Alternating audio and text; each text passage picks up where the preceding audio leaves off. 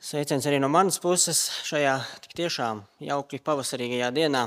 Prieks, ka esat, esat šeit un vērsim vaļā mūsu raksturvietu. Īstenībā gan izaicinoša raksturvieta mūsu priekšā, ne tik ļoti varbūt saprašanai, kā pielietošanai. Vērsim vaļā Pāvila vēstuli romiešiem 13. nodaļu un to arī visu nolasīsim 13.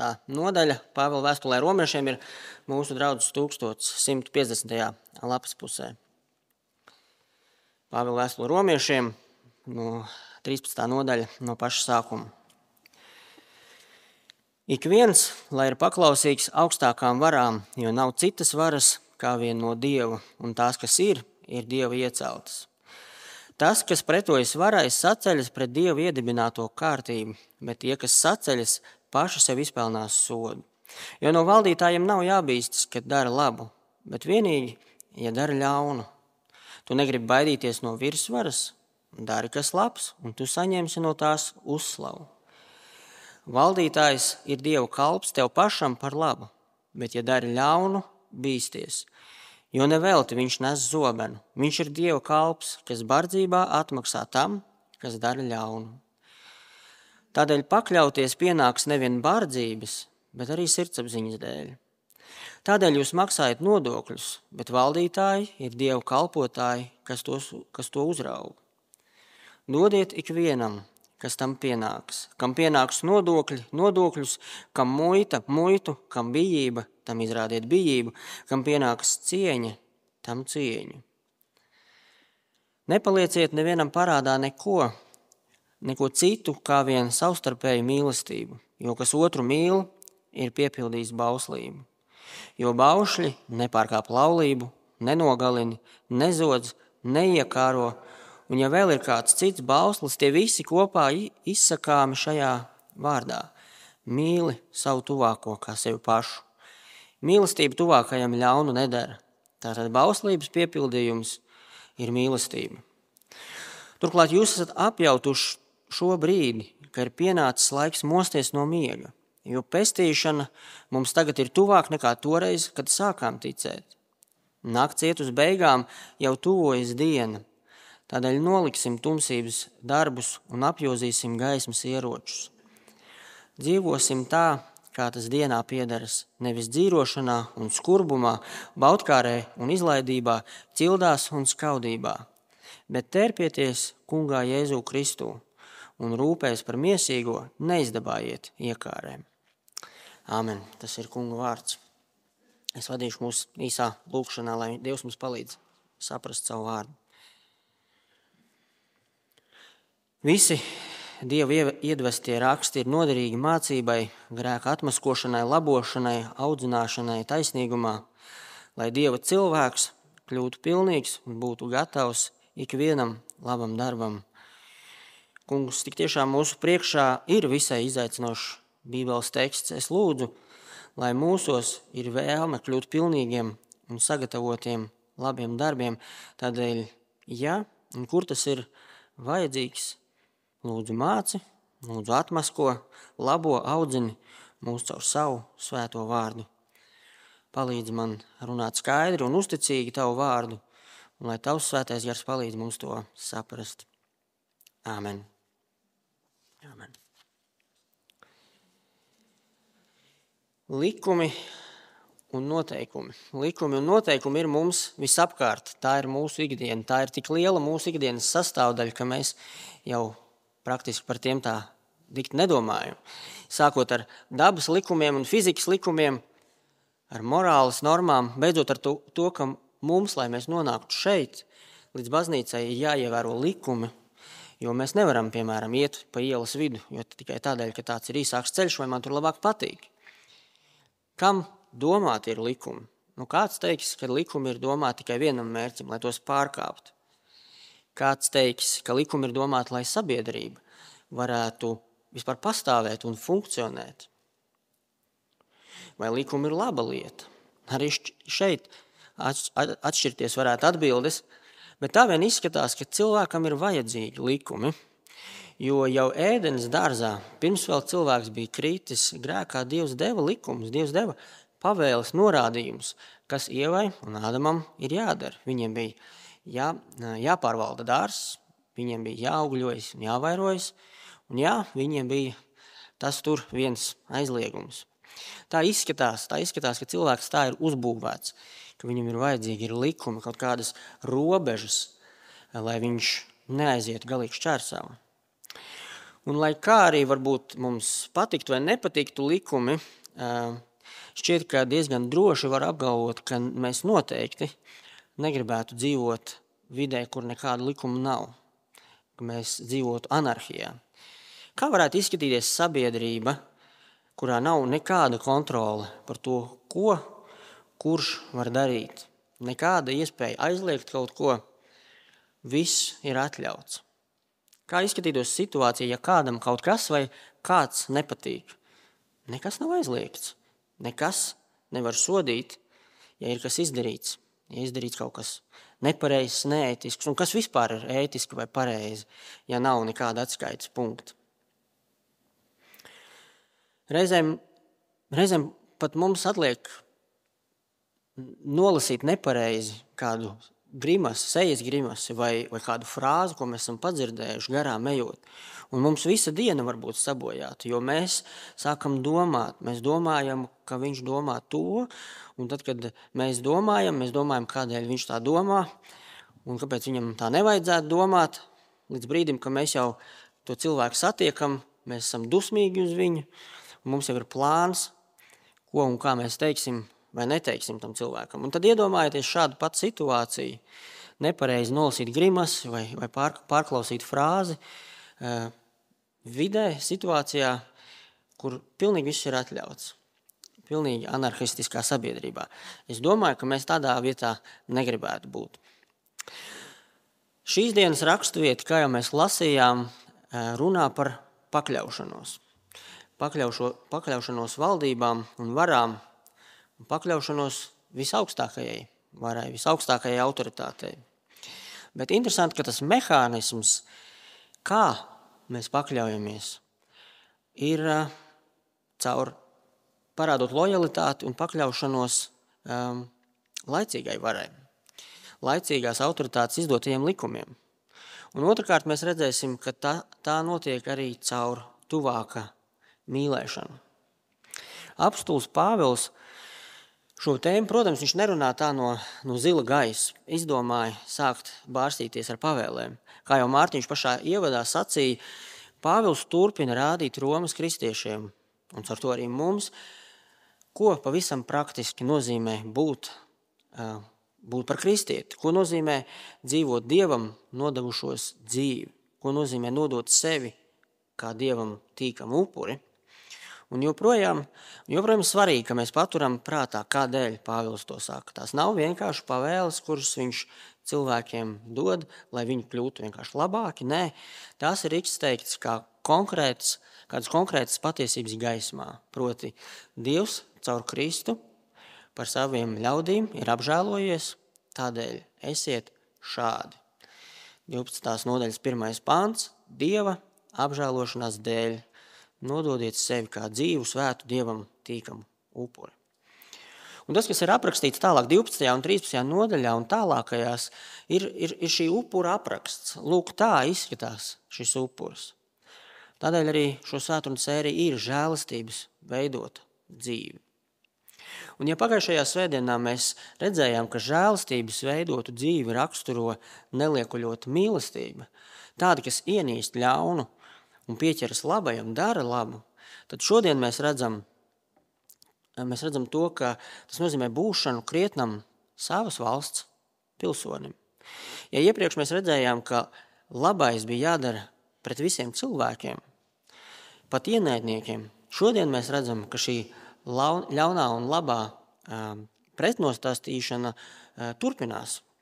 Labā darīšana ļaus saglabāt mieru ar laicīgo varu. Piemēram, trešajā pantā mēs lasījām, no valdītājiem nav jābīstas, kad dara labu, bet vienīgi, ja dara ļaunu.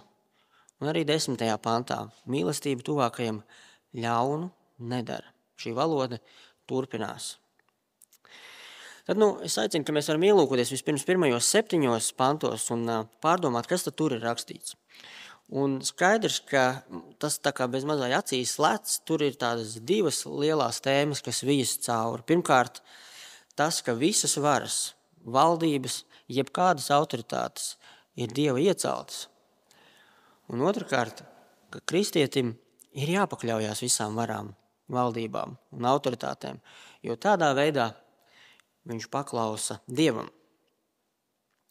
To pirmo mēs ieraugām nu, skaidrāk par skaidru, manuprāt. Ieskatieties dažos pantos, var, varat līdzi lasīt uh, Bībelēs. Uh, pirmais pants. Ik viens, lai ir paklausīgs augstākām varām, jo nav citādas varas kā vien no Dieva. Un tās, kas ir, ir Dieva ieceltas. Viņš divreiz pasaka būtībā vienu un to pašu, tā teikt, īpaši, īpaši stūviem atkārtoja. Nav citas varas kā no Dieva, un tās, kas ir, ir Dieva ieceltas. Ceturtais pants. Valdītājs ir Dieva kalps tev pašam par labu, bet, ja dara ļaunu, bīsties, jo nevelti viņš nes zobenu. Viņš ir Dieva kalps, kas bardzībā atmaksā tam, kas dara ļaunu. Sestais pants. Tādēļ jūs maksājat nodokļus, bet valdītāji ir Dieva kalpotāji, kas to uzrauga.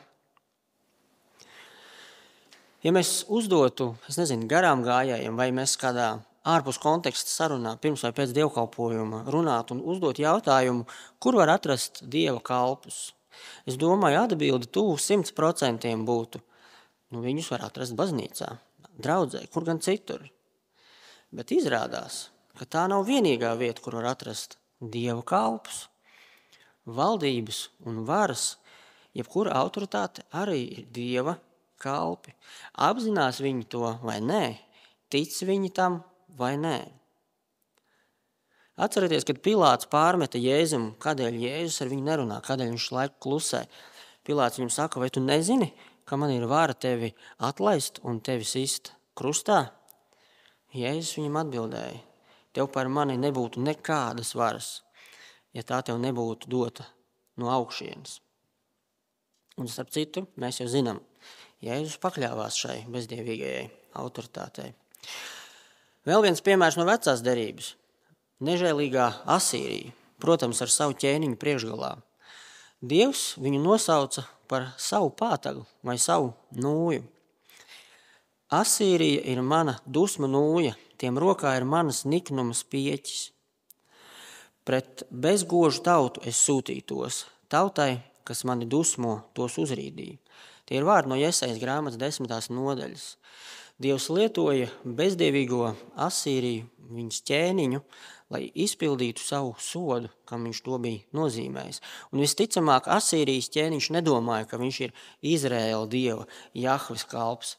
Viņš visticamāk kalpoja savam dievam. Pagājušā svētdienā mēs domājam par to, ka mums, eh, nav, eh, mums nevajag atriepties pār saviem darītājiem, jo Dievs ir atriebējis. Un šeit, 4. pantā, mēs redzam, kādā veidā reizēm Dievs atmaksā. Jau lasījām, ja dari ļaunu, bīsties, jo velti viņš, tas ir vadītājs, nes zobenu. Viņš ir Dieva kalps, kas bardzībā atmaksā tam, kas dara ļaunu. Dievs lieto valdības, varas likumus, lai, lai parādītu savu autoritāti caur viņiem. Edgars Rinkēvičs, Daiga Mieriņa, Evika Siliņa, Vilnis Čirs un tā vēlāk un tā joprojām. Viņi ir Dieva kalpi. Džo Baidens ir Dieva kalps. Sī Džinpins ir Dieva kalps. Kims Čenuns ir Dieva kalps. Un pat Vladimirs Putins ir Dieva kalps. Es zinu, tas griežās ausī, bet viņi un visi viņu padotie, kam ir autoritāte par citiem, viņi ir Dieva kalpi.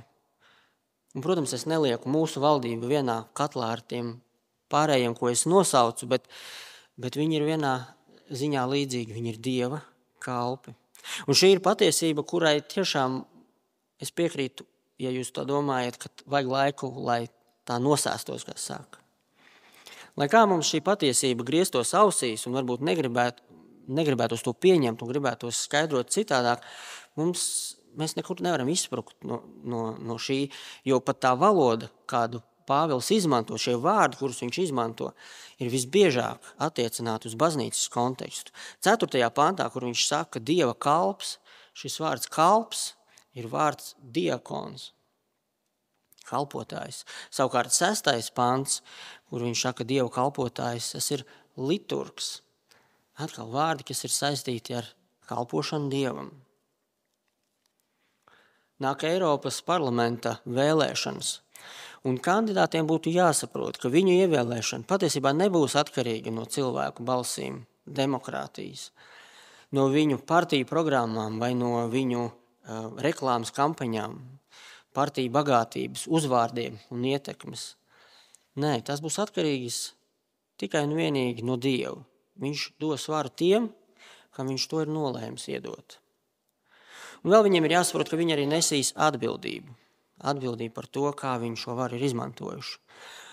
Un šo sakot, es, protams, nevienu brīdi nesaku, ka kristiešiem nebūtu jāiet balsot vēlēšanās. Tā ir mūsu šī laika valsts pārvalde, kārtība, un tas ir mūsu pienākums darīt to un izmantot e, iespēju veltīt savu balsi kādam no spēkiem. Otra tēma šajos pirmajos septiņos pantos ir kristieša paklausība, kristiešu paklausšanās autoritātēm pat pirmā frāze, pirmajā pantā, mēs redzam, ik viens, lai ir paklausīgs augstākajām varām. Pāvils nedod garu apakšpunktu sarakstu ar gadījumiem, kad ir jāpaklausa, un vēl vienu ar garu sarakstu ar gadījumiem, kad drīkst nepaklausīt. Ik viens, lai ir paklausīgs augstākajām varām. Pāvils saka, tas, kurš paklausa varām un valdībām, tas paklausa un pakļaujas Dievam un otrādāk. Ieskatieties otrajā pantā. Tas, kas pretojas varai, saceļas pret Dieva iedibināto kārtību. Tik vienkārši. Tas, kas pretojas varai, nepaklausa Dievam. Un Pāvils dod arī divus iemeslus, kādēļ ir jāpakļaujas. Ja neskaita tikko minēto, ka tā ir paklausība Dievam, tad 5. Eh, pantā ieskatoties, mēs redzam, pakļauties pienāks nevien bardzības, bet arī sirdsapziņas dēļ bardzība un sirdsapziņa. Tu negribi baidīties no virsvaras, trešais pants. Tev bail no bardzības, ko var saņemt par savu nepaklausību. Tad dari to, kas labs. Dari, kas labs, un tu saņemsi uzslavu. Un sirdsapziņa. Kristietis ir cits radījums. Kristietim ir cita sirds, un arī līdz ar to cita sirds apziņa. Tu nevari vairs pa vecam. Bet kādēļ, kādēļ Pāvils to saka? Kādēļ viņš tā ir norūpējies par šo paklausību un pakļaušanos? Kristieši tajā laikā, bet es domāju, arī mūsdienās var ieņemt vienu no divām nepareizām pozīcijām. Viena no tām saka, valstība, Dieva valstība ir klāta. Mēs esam citas valstības pilsoņi. Cēzars vai jebkurš cits valdnieks nav jāņem vērā. Un es arī esmu reiz dzirdējis, ka nodokļus nevajag maksāt. Mēs esam citas valstības pilsoņi līdz brīdim, kad ir jāpaņem slimības lapa vai jādodas pensijā, protams. Otra pozīcija - valstība vēl nav klāta. Dieva valstība vēl nav atnākusi. Mēs esam citas valstības pilsoņi, tāpēc ņemsim savus zobenus un atvedīsim valstību šeit klāt. Abas ir nepareizas attieksmes. Abas, protams, romiešiem nekādā ziņā nepatika, jo abos gadījumos Cēzars nav lielākais noteicējs, nav augstākā autoritāte.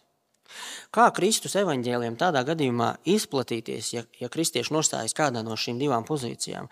Kāda reputācija būs kristiešiem, kuri apgalvo, ka viena no viņu atšķirības zīmēm ir mīlestība? Un nevelti šī sadaļa ir ierakstīta starp divām citām, kas runā tieši par mīlestību. Ko tas nozīmē praktiski? Pāvils, Pāvils neliek mums dikti minēt, viņš pat neliek mums attiecināt kaut kā pārnest uz 21. gadsimtu. Viņš ļoti vienkārši saka, maksājiet nodokļus. Sestais pants. Pavisam vienkārši veids, kā parādīt savu lojalitāti valdībai un varai. Nevis schēmot, nevis šmaukt, nevis slēpt, bet maksāt nodokļus. Īstenībā, cik tas ir pasaulīgi spriest, ka Piemēram, man nepatīk, kā valsts tērē manus nodokļus, man nodokļu nav, tādēļ es tai tos nedošu. Vai arī mani daži simti eiro jau neko tāpat neizšķirs valsts budžetā. Nē, maksā nodokļus, jo tu esi kristietis. Ievēro likumus, noteikumus. Jā, arī to, kas liek braukt ar noteiktu ātrumu, noteiktajā vietā pa ceļam. Un to es saku pats arī sev. Bet ne tikai ievēro noteikumus, ne tikai maksā nodokļus, maksā visu, ko esi parādā. Tas ir vēl viens veids, kā mēs varam 7. pantā tulkot vai skaid, e, izsacīt to frāzi, e, dot kam kas pienākas. Kam esi parādā nodokļus, dod nodokļus, kam muitu vai peļņu, maksā muitu vai peļņu, kam bijību dod bijību, kam cieņu dod cieņu. Un šīs pavērtās pakļaušanās durvis pavisam plaši, pavisam plaši padotie pret saviem priekšniekiem. Cieniet, strādājiet godīgi, cītīgi, atbildīgi. Neņemiet to, kas nav jūsu. Printera paka reizi mēnesī nav darba līgumā neuzrakstītais bonus. Tā ir zakšana.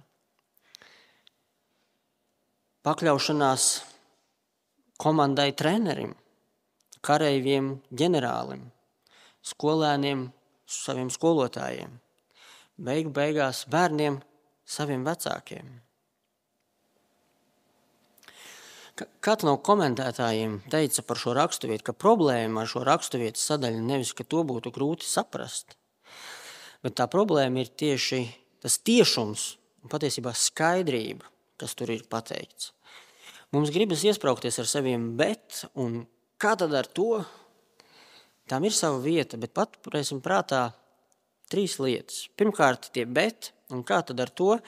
Īsnībā ir izņēmuma situācijas, kur lielākā daļa cilvēku neatrodas. Otrakārt, paturēsim prātā, ka Pāvils šos vārdus raksta Romas draudzēji, kur Romas imperators bija Nērons. Droši vien būsiet dzirdējuši par Nerona lielajām kristiešu vajāšanām. Šajā, šajā valdnieka valdīšanas laikā Pāvils saka, klausiet. Un treškārt ir jāuzdod viens izmeklējošs jautājums. Vai tik vēlme iebilst nenorāda uz mūsu sirds problēmu, par kuru Pāvils runā šīs vēstules pirmajā nodaļā? Par to, ka cilvēks grib apspiest patiesību, patiesībā ir sirdī dumpīgs un grib sacelties pret jebko, jebko, kas viņam saka, kas jādara. Tā teikt, tu nesaki, kas man jādara, un es neteikšu, kur tev ir jāiet. Šis ir vēl viens ļoti prast, praktisks aspekts, sastopoties ar šādu tekstu. Dievu lūdzot, mums ir jāizmeklē savas sirdis šajā jautājumā. Kā man iet ar pakļaušanos? Kā man iet ar pakļaušanos augstākai autoritātei? Ja mēs tā padomājam, tad Dievs 99% gadījumu izmanto cilvēcīgus līdzekļus savu mērķu sasniegšanai. Tas viens procents ir tādiem gadījumiem, kā bilējām runājošais ēzels un, un eņģeļi un tam līdzīgiem. Mēs reizēm abrīnā apstājamies un domājam, kā Dievs tādus nepilnīgus un grēcīgus cilvēkus kā mūs var izmantot savas valstības darbam. Mēs esam Dieva liecinieki, mēs esam Dieva pārstāvji, bet tik nepilnīgi. Taču mēs, cerams, pazemībā noliecam galvas un, un pieņemam to. Jā, tāds ir Dieva veids, kā viņš strādā. Bet tad tieši tādā pat veidā Dievs var izmantot laicīgās varas, pirmkārt savas pārvaldības nodrošināšanai, bet otrkārt, lai mācītu cilvēkiem pakļaušanos. Jo mums visiem ir jāpakļaujas Dieva autoritātes priekšā. Kā tev iet ar pakļaušanos? Likumiem, priekšniekiem, kā bērniem iet pakļaušanos vecākiem. Un tomēr šo tikko pateicis, tas nebūtu korekti, ja mēs neveltītu pavisam, kaut pavisam īsu brīdi arī tam, tiem dažiem izņēmumiem. Eh, jo tad jau ir slikti Tad ja mēs varam teikt, ka ir slikti, ka padomju režīms sabruka, ir slikti, ka mums, eh, ja mēs um, um, neatbalstam visus likumus, kas ir izdoti, arī tos, kas ir pretrunā Bībelē, tad jau mēs nedrīkstam neko kritizēt no tā, ko valdība dara. Un, protams, protams, kristiešiem ir augstākā autoritāte, augstāka par imperatoru, par prezidentu, par likumiem. Tas ir mūsu kungs eh, Jēzus Kristus un viņa pavēles, kas ir rakstīts Dieva vārdā. Gluži kā bērni katehismā mācījās. Atcerieties, kad Sinedrijas, kas ir jūr, jūdu reliģiskā tiesa, aizliedza apstuļiem sludināt eh, par Jēzu, Pēters eh, viņiem, šiem Sinedriju pārstāvjiem, sacīja, Dievam jāklausa vairāk nekā cilvēkiem. Dieva likums, protams, ir pāri cilvēku likumam. Bet Dieva likums nav pret daudzām, daudzām lietām, kas ir mūsu likumos. Dieva likums nav pret, piemēram, nodokļu maksāšanu laicīgai varai. Protams, Dieva likums nav pret to, kas rakstīts krimināla likumā, pret zakšanu, slepkavošanu un tā tālāk. Dieva likums nav pret autoritāšu cienīšanu. Bet Dieva likums ir piemēram par pareizu, precīzu ģimenes definīciju, proti viena vīrieša un vienas sievietes savienību. Dieva likums ir par Dieva vārda nesagrozītu sludināšanu. Ja laicīgais likums to aizliedz, iet pretrunā tām lietām, ko Dieva vārds mums liek darīt, tad jā, Dieva, Dievam ir jāklaus vairāk nekā cilvēkam. Bet, kā jau teicu, tie salīdzinājumi pret to kopējo, kopējo pakļaušanās prasību ir izņēmumi. Un šī raksturvieta koncentrējas tieši uz to paklausību un pakļaušanās aspektu. Dodiet ikvienam, kas tam pienāks, vai ko esat parādā. Un nākošā sadaļa, nākošie panti īstenībā turpina runāt par šo te parādu tēmu. Ieskatieties 8. pantā. Nepalieciet nevienam parādā neko, neko citu kā vien savstarpēju mīlestību. Es izlasīšu līdz desmitajam pantam. Nepalieciet nevienam parādā neko citu kā vien savstarpēju mīlestību, jo kas otru mīl, ir piepildījis bauslību. Jo baušļi nepārkāp laulību, nenogalina, nezodz, neiekāro, un ja vēl ir kāds cits bauslis, tie visi kopā izsakāmi šajā vārdā. Mīli savu tuvāko kā sevi pašu. Ja mīlestība tuvākajam ļaunu nedara. Tātad bauslības piepildījums ir mīlestība. Un pirmā brīdī liekas, ka Pāvils pārmetas pilnīgi uz citu tēmu. Viņš runāja par pakļaušanos valdībām un nu, runā par mīlestību. Un atkal par mīlestību. Viņš jau par to runāja 12. nodaļas otrajā pusē. Bet es gribu jūs aicināt e, tagad nelielā ekskursijā, ekskursijā pa 12. un 13. nodaļu, kur mēs ieraudzīsim, ka īstenībā nemaz tik atšķirīga tā tēma nav. 12. nodaļas sākumā, pēc tam, kad Pāvils pasaka, ka un kādēļ kristietim ir jānodod sevi par dievam tīkamu upuri, kā mēs jau redzējām, dieva apžēlošanās dēļ, tad ieskatieties 12. nodaļas 3. pantā. Viņš saka tā, Jo žēlstībā, kas man dot, es ikvienam jums saku, neuzskatiet sevi par pārākiem kā citi. Neuzskatiet sevi par pārākiem. Un tad viņš turpina 4. pantā ar jo, un viņš saka, kalpojiet viens otram. Jūs neesat pārāki, kalpojiet viens otram. Lieciet otru augstāk par sevi vai sevi zem citiem. 12. nodaļas otrā puse, kā jau teicu, runa par mīlestību, par neliekuļotu mīlestību. Mīliet uz pilnu jaudu, neatmaksājiet ļaunu ar ļaunu. Tas ne, nozīmē neko citu, kā nolikt jau atkal otru augstāk par sevi vai sevi zemāk par otru. Tad eh, jau redzējām, 13. nodaļas sākums mūs aicina pakļauties varām. Tas vārds pakļauties burtiski nozīmē nolikt sevi zem zem šīs autoritātes. Un 13. nodaļas turpinājums atkal runā par mīlestību, par mīlestības parādu. Taču parādnieks arī nekad neskatās uz to, kam viņš ir parādā no augšas, vai ne? 12. un 13. nodaļā Pāvils runā par pazemību, pazemību mīlestībā un par pakļaušanos. Un viņš runā par to jau pieminētā kristiešu un evaņģēlīja reputācijas dēļ, lai nestu, lai varētu nest sabiedrībai liecību, ka šim jēzum ir vērts ticēt. Šī valstība ir citādāka nekā tā, ko jūs redzat. Šī valstība ir citādāka un šis valdnieks ir citādāks. Un arī šeit Pāvils runā par mīlestību, un viņš runā par mīlestību no kāda konkrēta leņķa. Ja pakļaušanās varām ir viņu likumu pildīšana, tad mīlestība savukārt pilda vēl kādu citu likumu. Tas ir dieva likumu, bauslību. Un atkal par šiem pantiem varētu būt atsevišķa svētruna, jo šeit daudz jautājumu var rasties. Piemēram, nu vai tad mēs ne, nelasījām arī iepriekš, ka mēs esam brīvi no bauslības? Vai tad Kristus nav piepildījis bauslību? Kopš kuru laiku tad mēs piebild, piepildam bauslību? Visiem šiem jautājumiem, protams, mums neatliks laiks, bet mums ir jāpamana, ka šeit Pāvils uzskaita uh, konkrētus baušļus. Viņš uzskaita tos baušļus, kas attiecas uz Dieva ļaužu savstarpējām attiecībām. Atcerieties, desmit baušļi ir, uh, desmit baušļos ir tie baušļi, kas runā par cilvēku un Dieva savstarpējām attiecībām, un arī tie, kas runā par cilvēku savstarpējām attiecībām. Un Jēzus pats teica, ka visi baušļi, visi baušļi ir apvienojami divos. Mateja evanģēlijā 22. nodaļā Jēzus sacīja: Mīli kungu savu dievu ar visu savu sirdi, ar visu savu dvēseli, visu savu prātu. Un otrs bauslis ir tam līdzīgs: mīli savu tuvāko kā sev pašu. Šie divi baušļi ir pamatā visai bauslībai un praviešu mācībai. Tātad mīli Dievu un mīli savu tuvāko.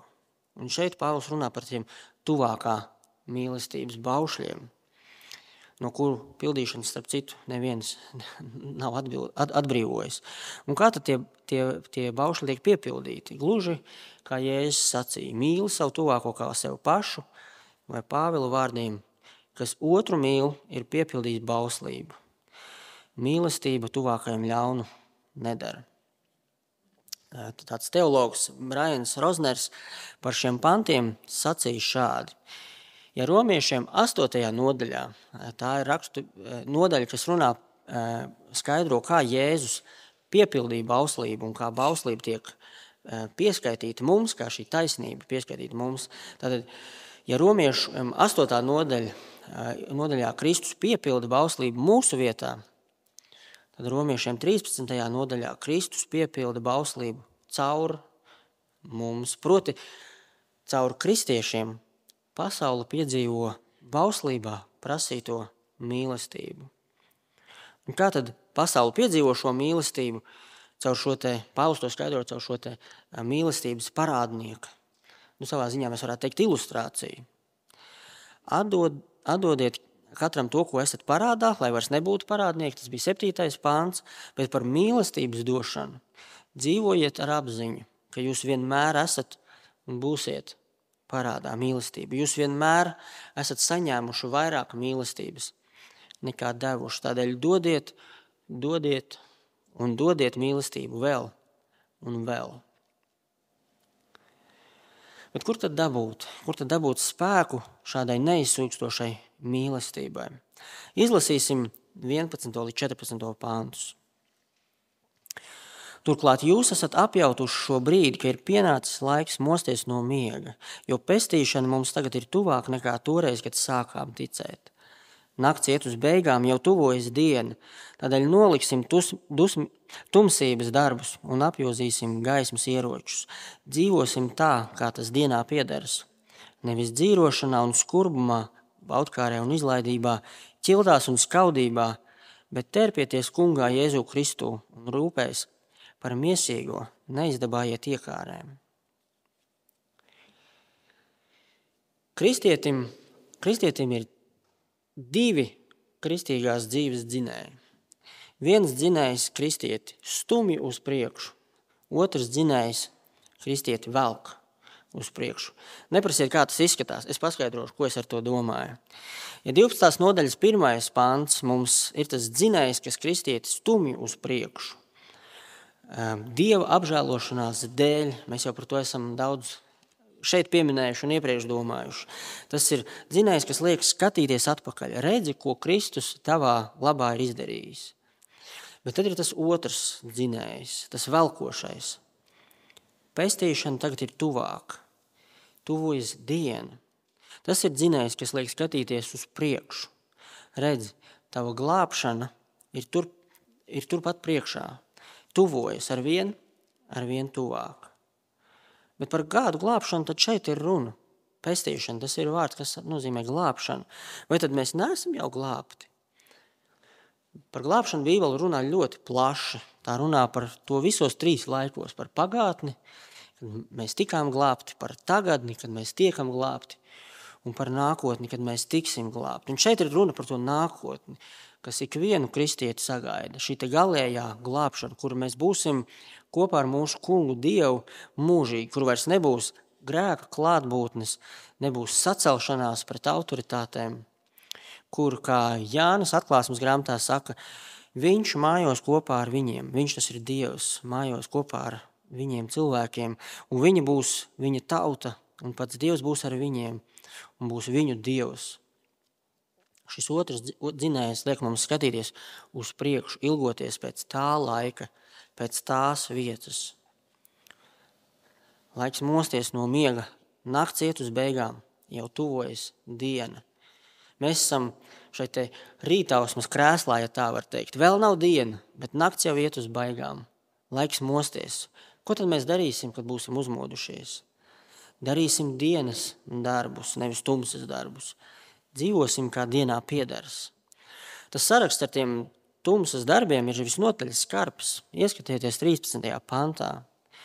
Dzīvosim tā, kā tas dienā piedars, nevis dzīvošanā un skurbumā, baudkārē un izlaidībā, ķildās un skaudībā. Tas ļoti izklausās pēc Romas algdievības tempļu pielūgsmes rituāliem. Orģijas, stipra dzeršana, seksuāla izlaidība, izvirtība, netiklība, strīdi un skaudība. Šeit arī mēs redzam, ka ne pilnīgi visiem Romas likumiem vai impērijā atļautajiem Romas Romas kristiešiem bija jāseko, ir robeža, kuras nedrīkst pārkāpt. 12. No, 12. nodaļas sākumā Pāvils rakstīja: Netopiet šim laikam līdzīgi, bet pārvietieties. Šis laiks beigsies, nakts iet uz beigām.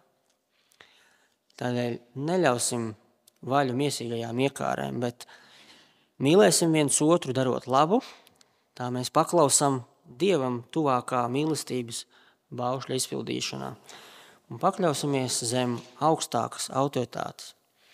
Tā mēs pakļaujamies arī zem Dieva autoritātes. Āmen. Es aicinu, kā varam lūgt Dievu. Mūsu debesu Tēvs, tik tiešām tavs mestais izaicinājums šodien ir, ir liels.